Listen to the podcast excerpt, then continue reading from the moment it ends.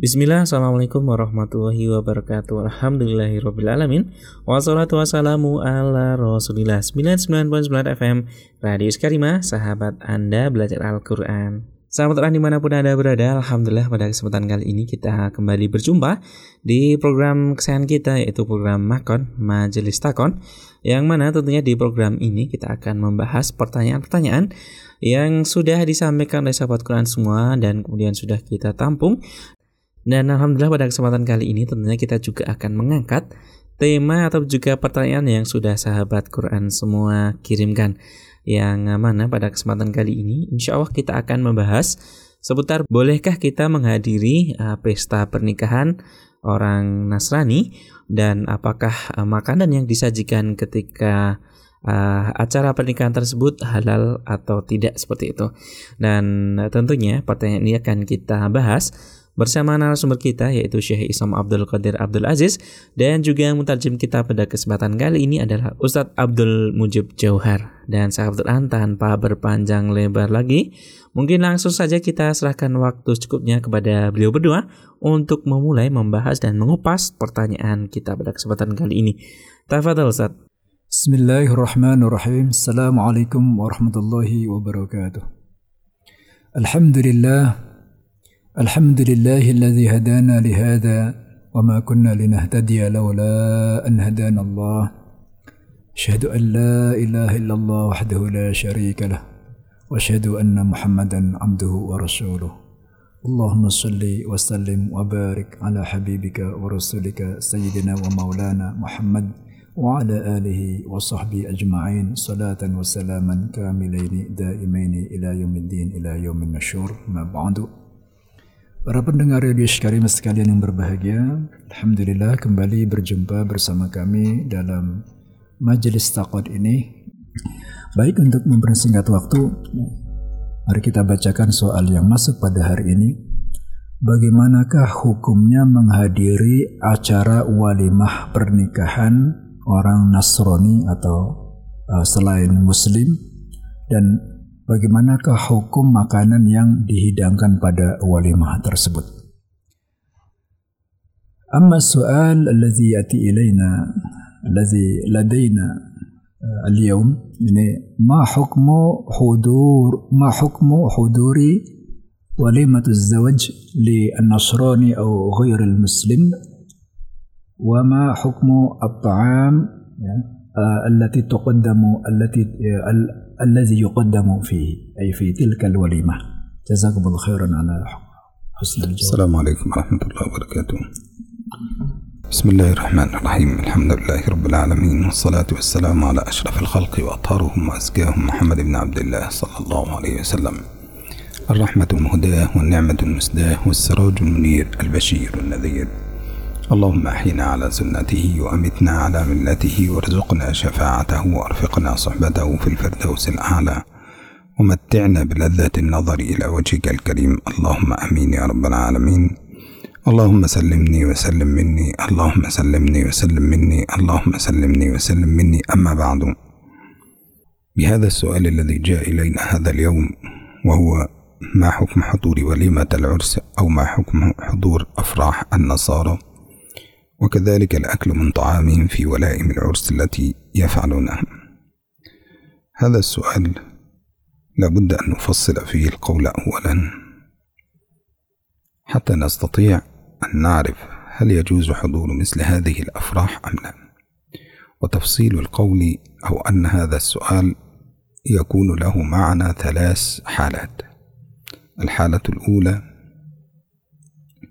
أن يكون هذا الزواج في الكنيسة. يعني هذا الزواج إما أن يكون في الكنيسة أو هذا العرس يكون في الكنيسة. فإن كان في الكنيسة فله أحكام عند الفقهاء سنعرفها بعد ذلك إن شاء الله. أما بالنسبة إلى الحالة الثانية وهو أن يكون هذا العرس في البيت ولا يرتبط بالكنيسة وهذه الحالة لها قسمين أيضا. يعني هذه الحالة لها قسمين. إما أن يكون في هذا الزواج الذي يكون في البيت إما أن يكون فيه منكرات يعني يكون فيه شرب خمر ومعازف وهذه الأشياء. إذا الحالة الأولى للزواج في البيت أو إذا أقيمت وليمة العرس في البيت أن يكون هذا النكاح فيه أشياء من المنكرات التي يحرمها الإسلام.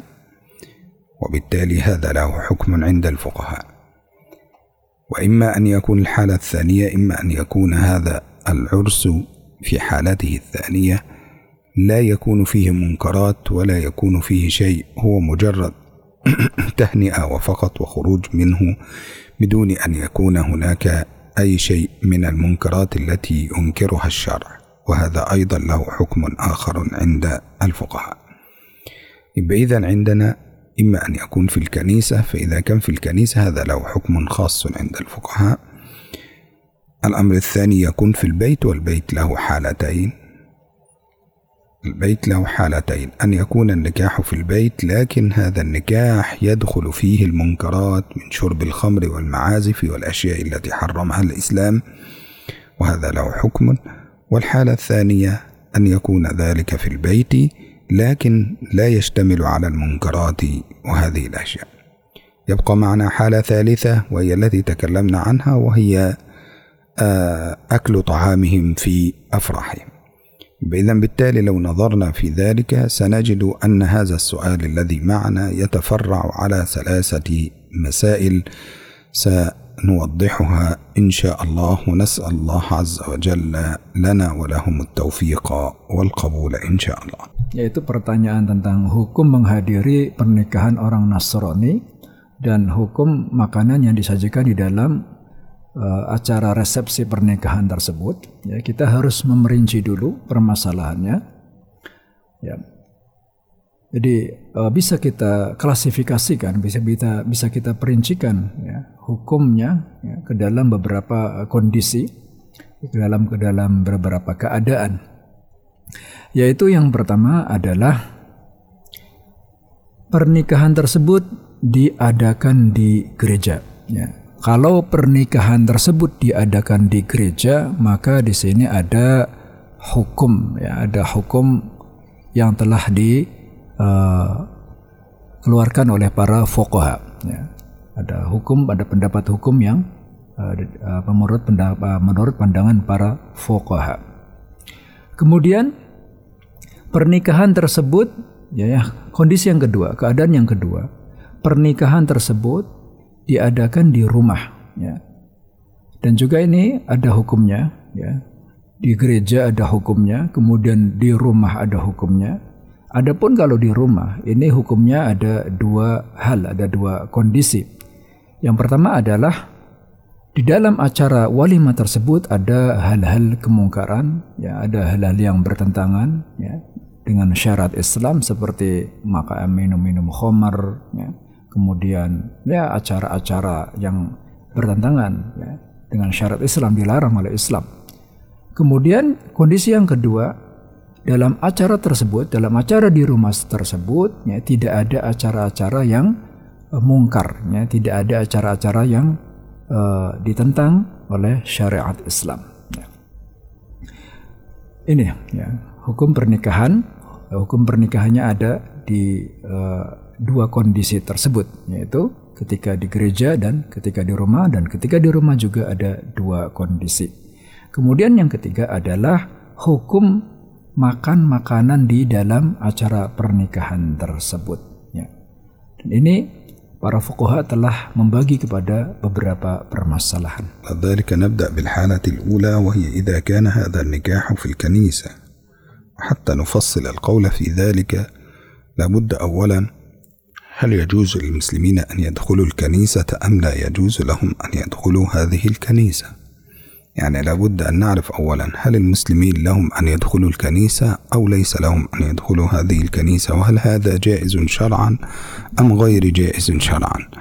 إذا كان هذا جائز شرعا خلاص بناء على ذلك سنبني الحكم على آه سنبني حكم النكاح على هذا الحكم الذي معنا فإذا كان في الكنيسة فقد اختلف الفقهاء في ذلك إلى أربعة مذاهب أو إلى أربعة أقوال.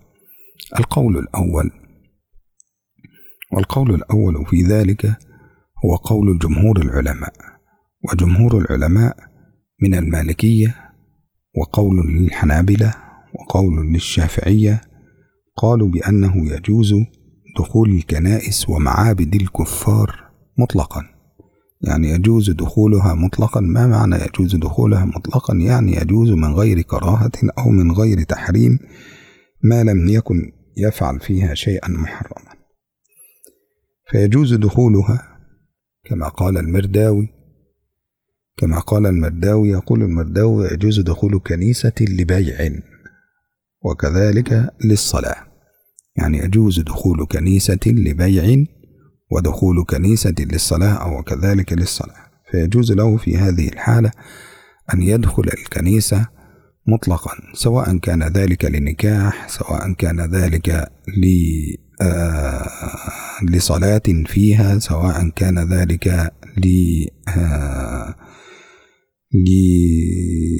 لبيع أو شراء أو أن يفعل أي شيء في ذلك. طيب الصلاة في الكنيسة هذه قالوا على هذا المذهب أنها جائزة مطلقا ولا يحرمها أي شيء من هذه الأشياء.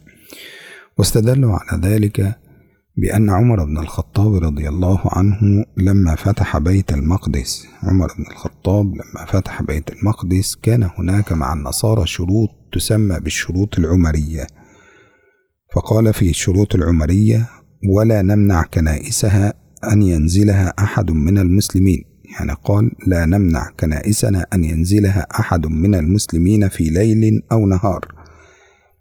هذا شرط عمر بن الخطاب على النصارى فاشترط النصارى على أنفسهم قالوا ولا نمنع كنائسنا أحدا من المسلمين أن ينزلها في ليل أو نهار وأن نوسع أبوابها.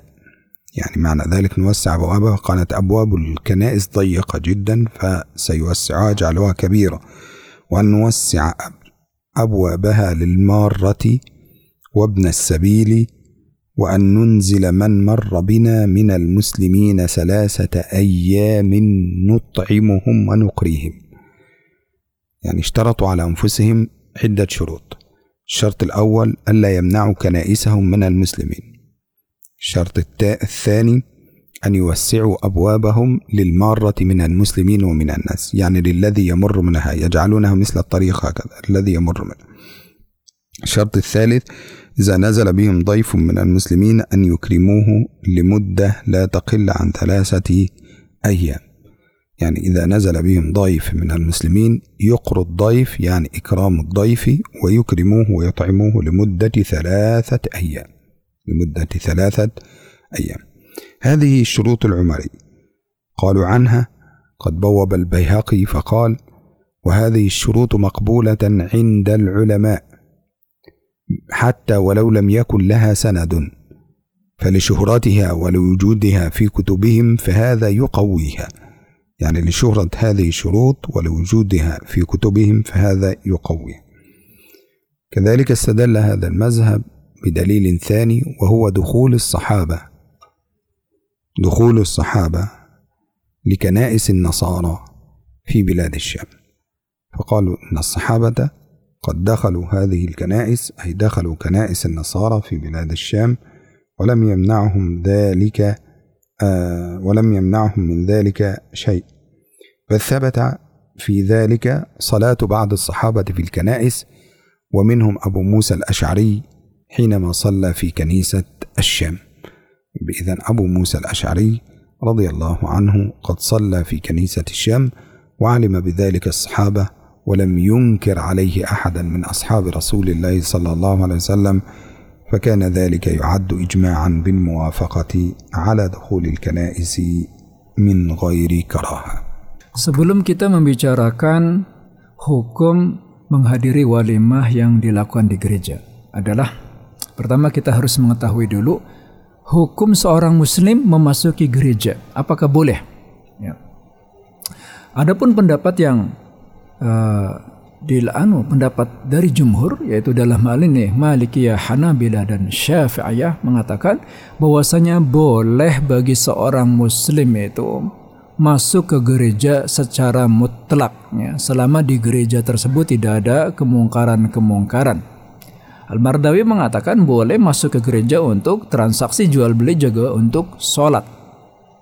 Ya, adapun kebolehan memasuki gereja secara mutlak ya sebagai ya, pandangan yang muncul dari jumhur ya pandangan dari jumhur demikian adalah berdalil pada Umar bin Al-Khattab ya. Umar bin Al-Khattab itu mensyaratkan kepada mereka atau orang-orang Nasrani mengajukan syarat ya.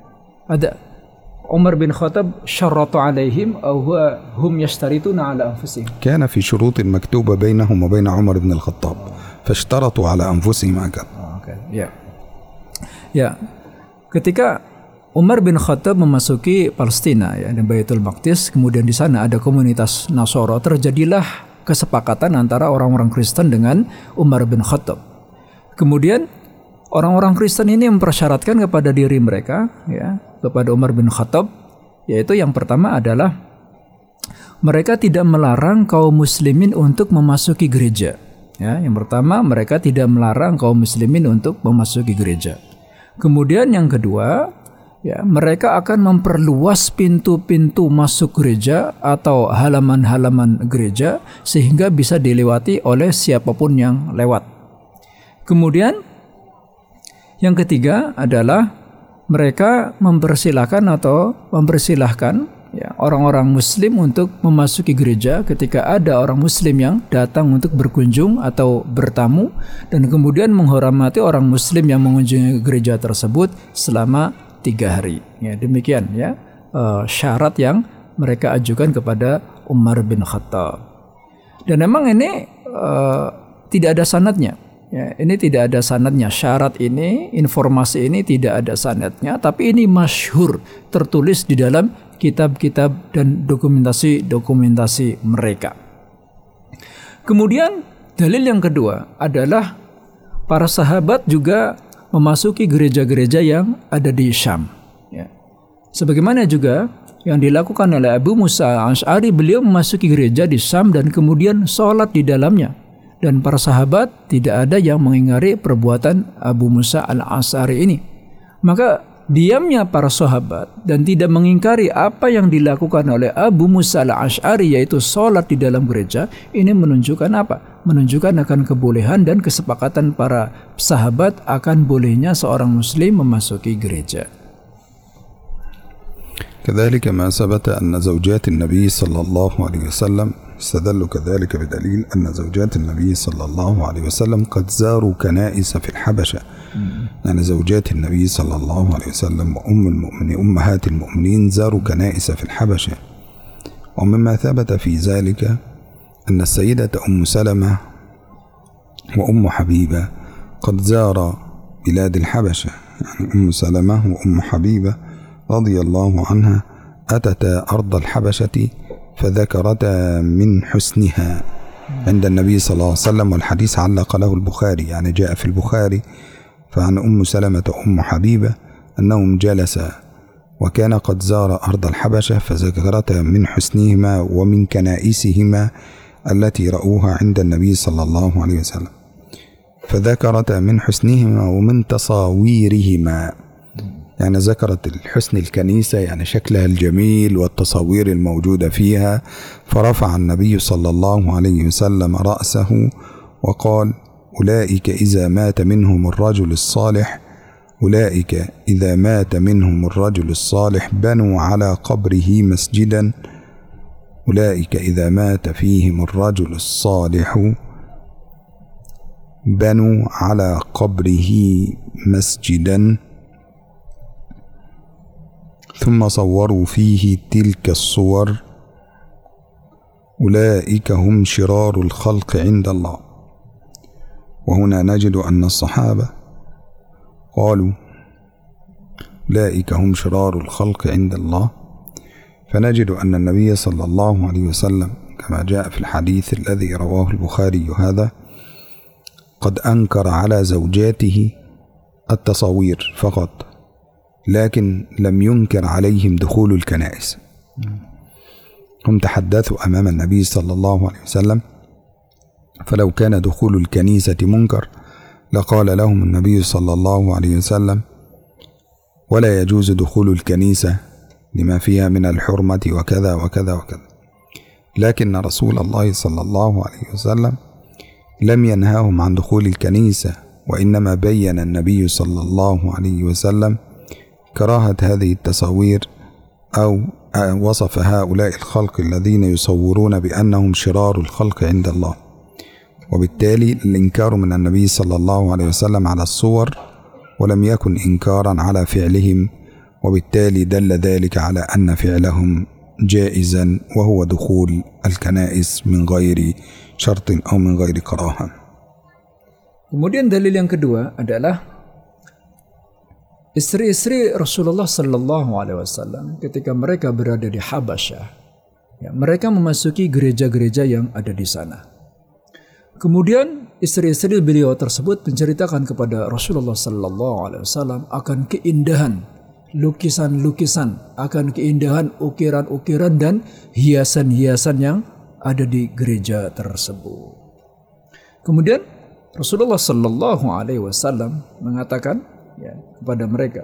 Ulaika idza mata fihim rajulun salihun banau ala qabrihi masjidan thumma sawwaru fihi tilka suwar ya ulaika syirarul khalqi indallah ulaika idza mata fihim rajulun salihun mereka itu ya yaitu orang-orang Kristen itu idza mata fihim rajulun salihun apabila ada seorang saleh yang dari kalangan mereka yang meninggal banau ala qabrihi masjidan mereka membangun di atas kuburannya masjid ya membangun masjid di atas kuburannya Summa sawaru fihi tilka suar. Kemudian melukis, membuat lukisan-lukisan di masjidnya tersebut. Membuat lukisan-lukisan di masjidnya tersebut atau di kuburannya tersebut. Ulaika syirarul khalqi indallah. Mereka itu adalah seburuk-buruk makhluk di sisi Allah Subhanahu wa taala. Jadi yang diingkari oleh Rasulullah sallallahu alaihi wasallam ya, adalah lukisan-lukisan yang ada di gerejanya tersebut, gambar-gambar yang ada di gerejanya tersebut. Sedangkan masuknya istri-istri beliau ke dalam gereja, beliau tidak mengingkarinya. Hal itu menunjukkan bahwasanya memasuki gereja tidak apa-apa. كذلك استدلوا أيضا مما رواه ابن عبدين في فتوح الشام حيث قال لما فتح عمر بن الخطاب بلاد الشام وفتح كنيسة النصارى يعني فتح عمر بن الخطاب الكنيسة في بلاد الشام أي في فلسطين حينما فتح عمر صنع له الرهبان أو صنع النصارى طعاما للمسلمين. ودعوا عمر بن الخطاب إلى الطعام. فقال أين الطعام؟ دعوه أن يتغدى مع الناس فقال أين الطعام؟ فقالوا في الكنيسة. فأبى عمر بن الخطاب يعني أبى عمر بن الخطاب أن يدخل ويأكل في الكنيسة ويتغدى في الكنيسة. ثم قال لعلي بن أبي طالب يا علي خذ الناس واذهب بهم وكلوا وتغدوا. يعني كل يا علي خذ الناس واذهب وكل وتغدى في داخل الكنيسة. فدخل علي بن أبي طالب ومعه الناس وجلسوا يأكلون وأخذ علي ينظر على التصاوير الموجودة في الكنيسة. ثم يقول ما على أمير المؤمنين لو جاء فأكل معنا؟ يعني ما الذي كان سيضر عمر بن الخطاب لو جاء فأكل معنا وهذا دليل على أن علي بن أبي طالب جوز الدخول إلى الكنيسة وأكلها وأن عمر بن الخطاب أيضا لم ينكر عليه ذلك. ولذلك حينما قيل أو قيل أنهم دعوا عمر بن الخطاب إلى كنيستهم وإلى طعامهم فأبى عمر بن الخطاب من أجل التصاوير التي كانت موجودة في الكنيسة. علق البخاري على ذلك وعلق كثير من العلماء على هذا الذي جاء في البخاري حيث قالوا أن عمرا لم يريد أن يدخل باعتباره أميرا للمؤمنين. باعتباره أميرا للمؤمنين فلا يريد أن يدخل مثل هذه الأماكن حتى لا يغتر الناس بعد ذلك بفعل عمر ابن الخطاب. يعني حتى لا يغتر الناس بعد ذلك بفعل عمر بن الخطاب فقد يترك الناس المساجد ويصلون في الكنائس يذهبون فيتعايشون ويأكلون معهم وبالتالي كان عمر يخاف على الناس من ميوعة الأعاجم. كان يخاف على العرب من ميوعة الأعاجم. لماذا؟ لأن النصارى فيهم ميوعة يعني ليس عنده نخوة الإسلام ولا رجولة الإسلام ولا كذا لا. هو مائع دائما. لماذا؟ لكثرة شربه للخمر فتجده يتمايل كثيرا تجده يترقص كثيرا. ولذلك النبي صلى الله عليه وسلم أيضا كان يحذر من اليهود والنصارى في قوله إنكم لا تتبعون سنن من قبلكم. اليهود والنصارى حتى ولو سلكوا جحر ضب لسلكتموه. يحذر من ذلك لميوعتهم فإنهم مائعين فإنكم إن نظرتم إليهم ستصبحوا أمثالهم. ولذلك كان يقول أحد العلماء الشيخ علي طنطاوي يقول عجبا لكم يا رجال أهل هذا الزمان. تريدون أن تعيشوا مثل اليهود والنصارى وتموتون مثل الصحابة. يعني تريدون أن تعيشوا بميوعة اليهود والنصارى. الميوعة سامحني أستاذ عبد المجيب يعني نحن هذه الأيام تجد الشاب يلبس اللباس مثلا الثياب فتجد البنطال مثلا هذا ممزق من هنا ومن هنا ومن هنا وعورته تظهر وكذا وهو مائع جدا. وبالتالي في النهاية يريد أن يموت مثل موتة الصحابة. فيقول الشيخ علي طنطاوي عجبا لكم يا رجال هذا الزمان؟ عجبا لكم يا رجال هذا الزمان؟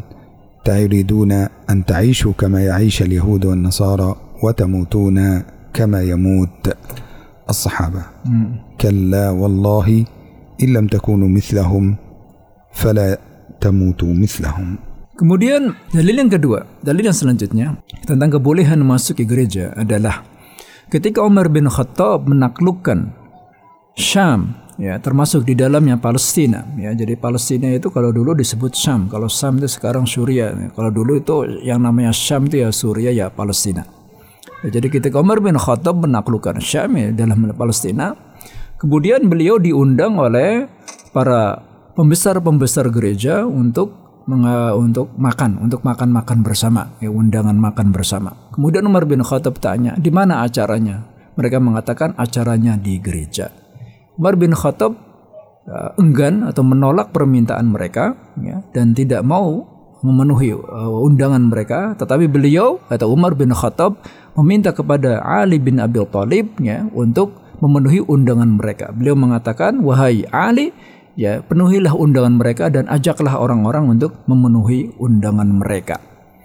Kemudian Ali memenuhi undangan mereka dengan uh, beberapa kaum muslimin dan makan-makan di dalamnya. Ketika Ali sampai di gereja dan makan-makan, beliau melihat ya uh, pemandangan-pemandangan yang ada di gereja berupa lukisan-lukisan. Ya. Kemudian beliau bertanya, apa yang bisa membahayakan Umar? Ya, kenapa Umar tidak mau memasuki gereja ini dan apa yang membahayakannya? Ya. Ini menunjukkan bahwasanya Ali bin Abi Thalib tidak mengingkari untuk memasuki gereja. Ya. Kemudian apa yang dilakukan oleh Umar bin Khattab adalah ya, karena posisi beliau itu sebagai Amirul Mukminin. Posisi beliau itu sebagai pemimpin orang-orang beriman ya. Jangan sampai orang-orang beriman ini ya khtar, muhtar ya tertipu dengan perbuatan dengan apa yang dilakukan oleh Amirul Mukminin ya. Jadi jangan sampai orang-orang beriman, orang-orang Islam ini mengikuti apa yang dilakukan oleh Umar bin Khattab ya. Karena dikhawatirkan apa? Ya, kalau sampai kemudian Umar bin Khattab memasuki gereja kemudian kaum muslimin memandangnya bahwasanya masuk gereja itu ya sama sekali tidak ada masalah, tidak ada bahayanya, boleh-boleh saja. Padahal di dalam gereja tersebut terdapat apa? Terdapat tipuan-tipuan, ya. Terdapat tipuan-tipuan. Dengan memasuki gereja berarti kita uh, banyak toleransi, ya, banyak toleransinya kebablasan. Toleransinya kebablasan kepada uh, dengan adat-adat dan kebiasaan dan tata cara hidup mereka. Padahal tata cara hidup mereka itu masya Allah, mana sangat tidak berpegang teguh kepada sebuah prinsip uh, prinsip ya sebagaimana dalam syarat Islam. Orang Kristen bisa bisa berbuat apa saja dan bagi mereka tidak ada masalah. Ya. Ya. Nah ini yang dikhawatirkan oleh oleh Umar bin Khattab. Beliau mengkhawatirkan orang-orang Islam ini tertipu oleh apa yang dia perbuat kemudian banyak mengikuti tradisi-tradisi orang-orang Kristen ya tradisi-tradisi orang Kristen. Oleh karena itu beliau menolak untuk memasuki gereja. Ya. Dalam hal ini Syekh Ali Tontowi mengatakan, ya, wahai ma'asyarul muslimin, ya, kalian itu hidupnya kalian itu ingin hidup, kalian hidup gaya hidup kalian itu seperti orang-orang gereja, seperti orang-orang Kristen ya. Orapanya, tradisinya, gaya hidupnya, profilnya itu mengikuti orang-orang Kristen. Mengikuti orang-orang ahli kitab. Sementara kalian matinya ingin mati seperti sahabat ya. Ya, demi Allah ya.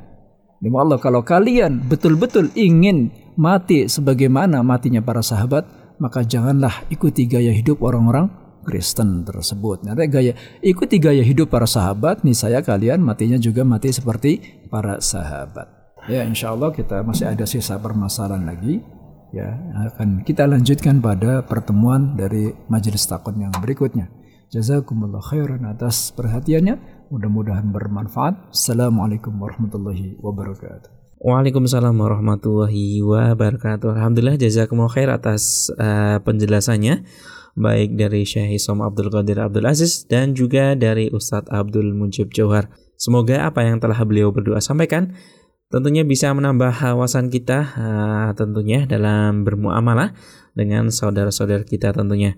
Dan sahabat kita uh, tutup dulu perjumpaan kita pada kesempatan kali ini dan tentunya jangan lupa ikuti uh, sambungan ya dari pembahasan pertanyaan ini atau persoalan ini di kesempatan berikutnya tentunya.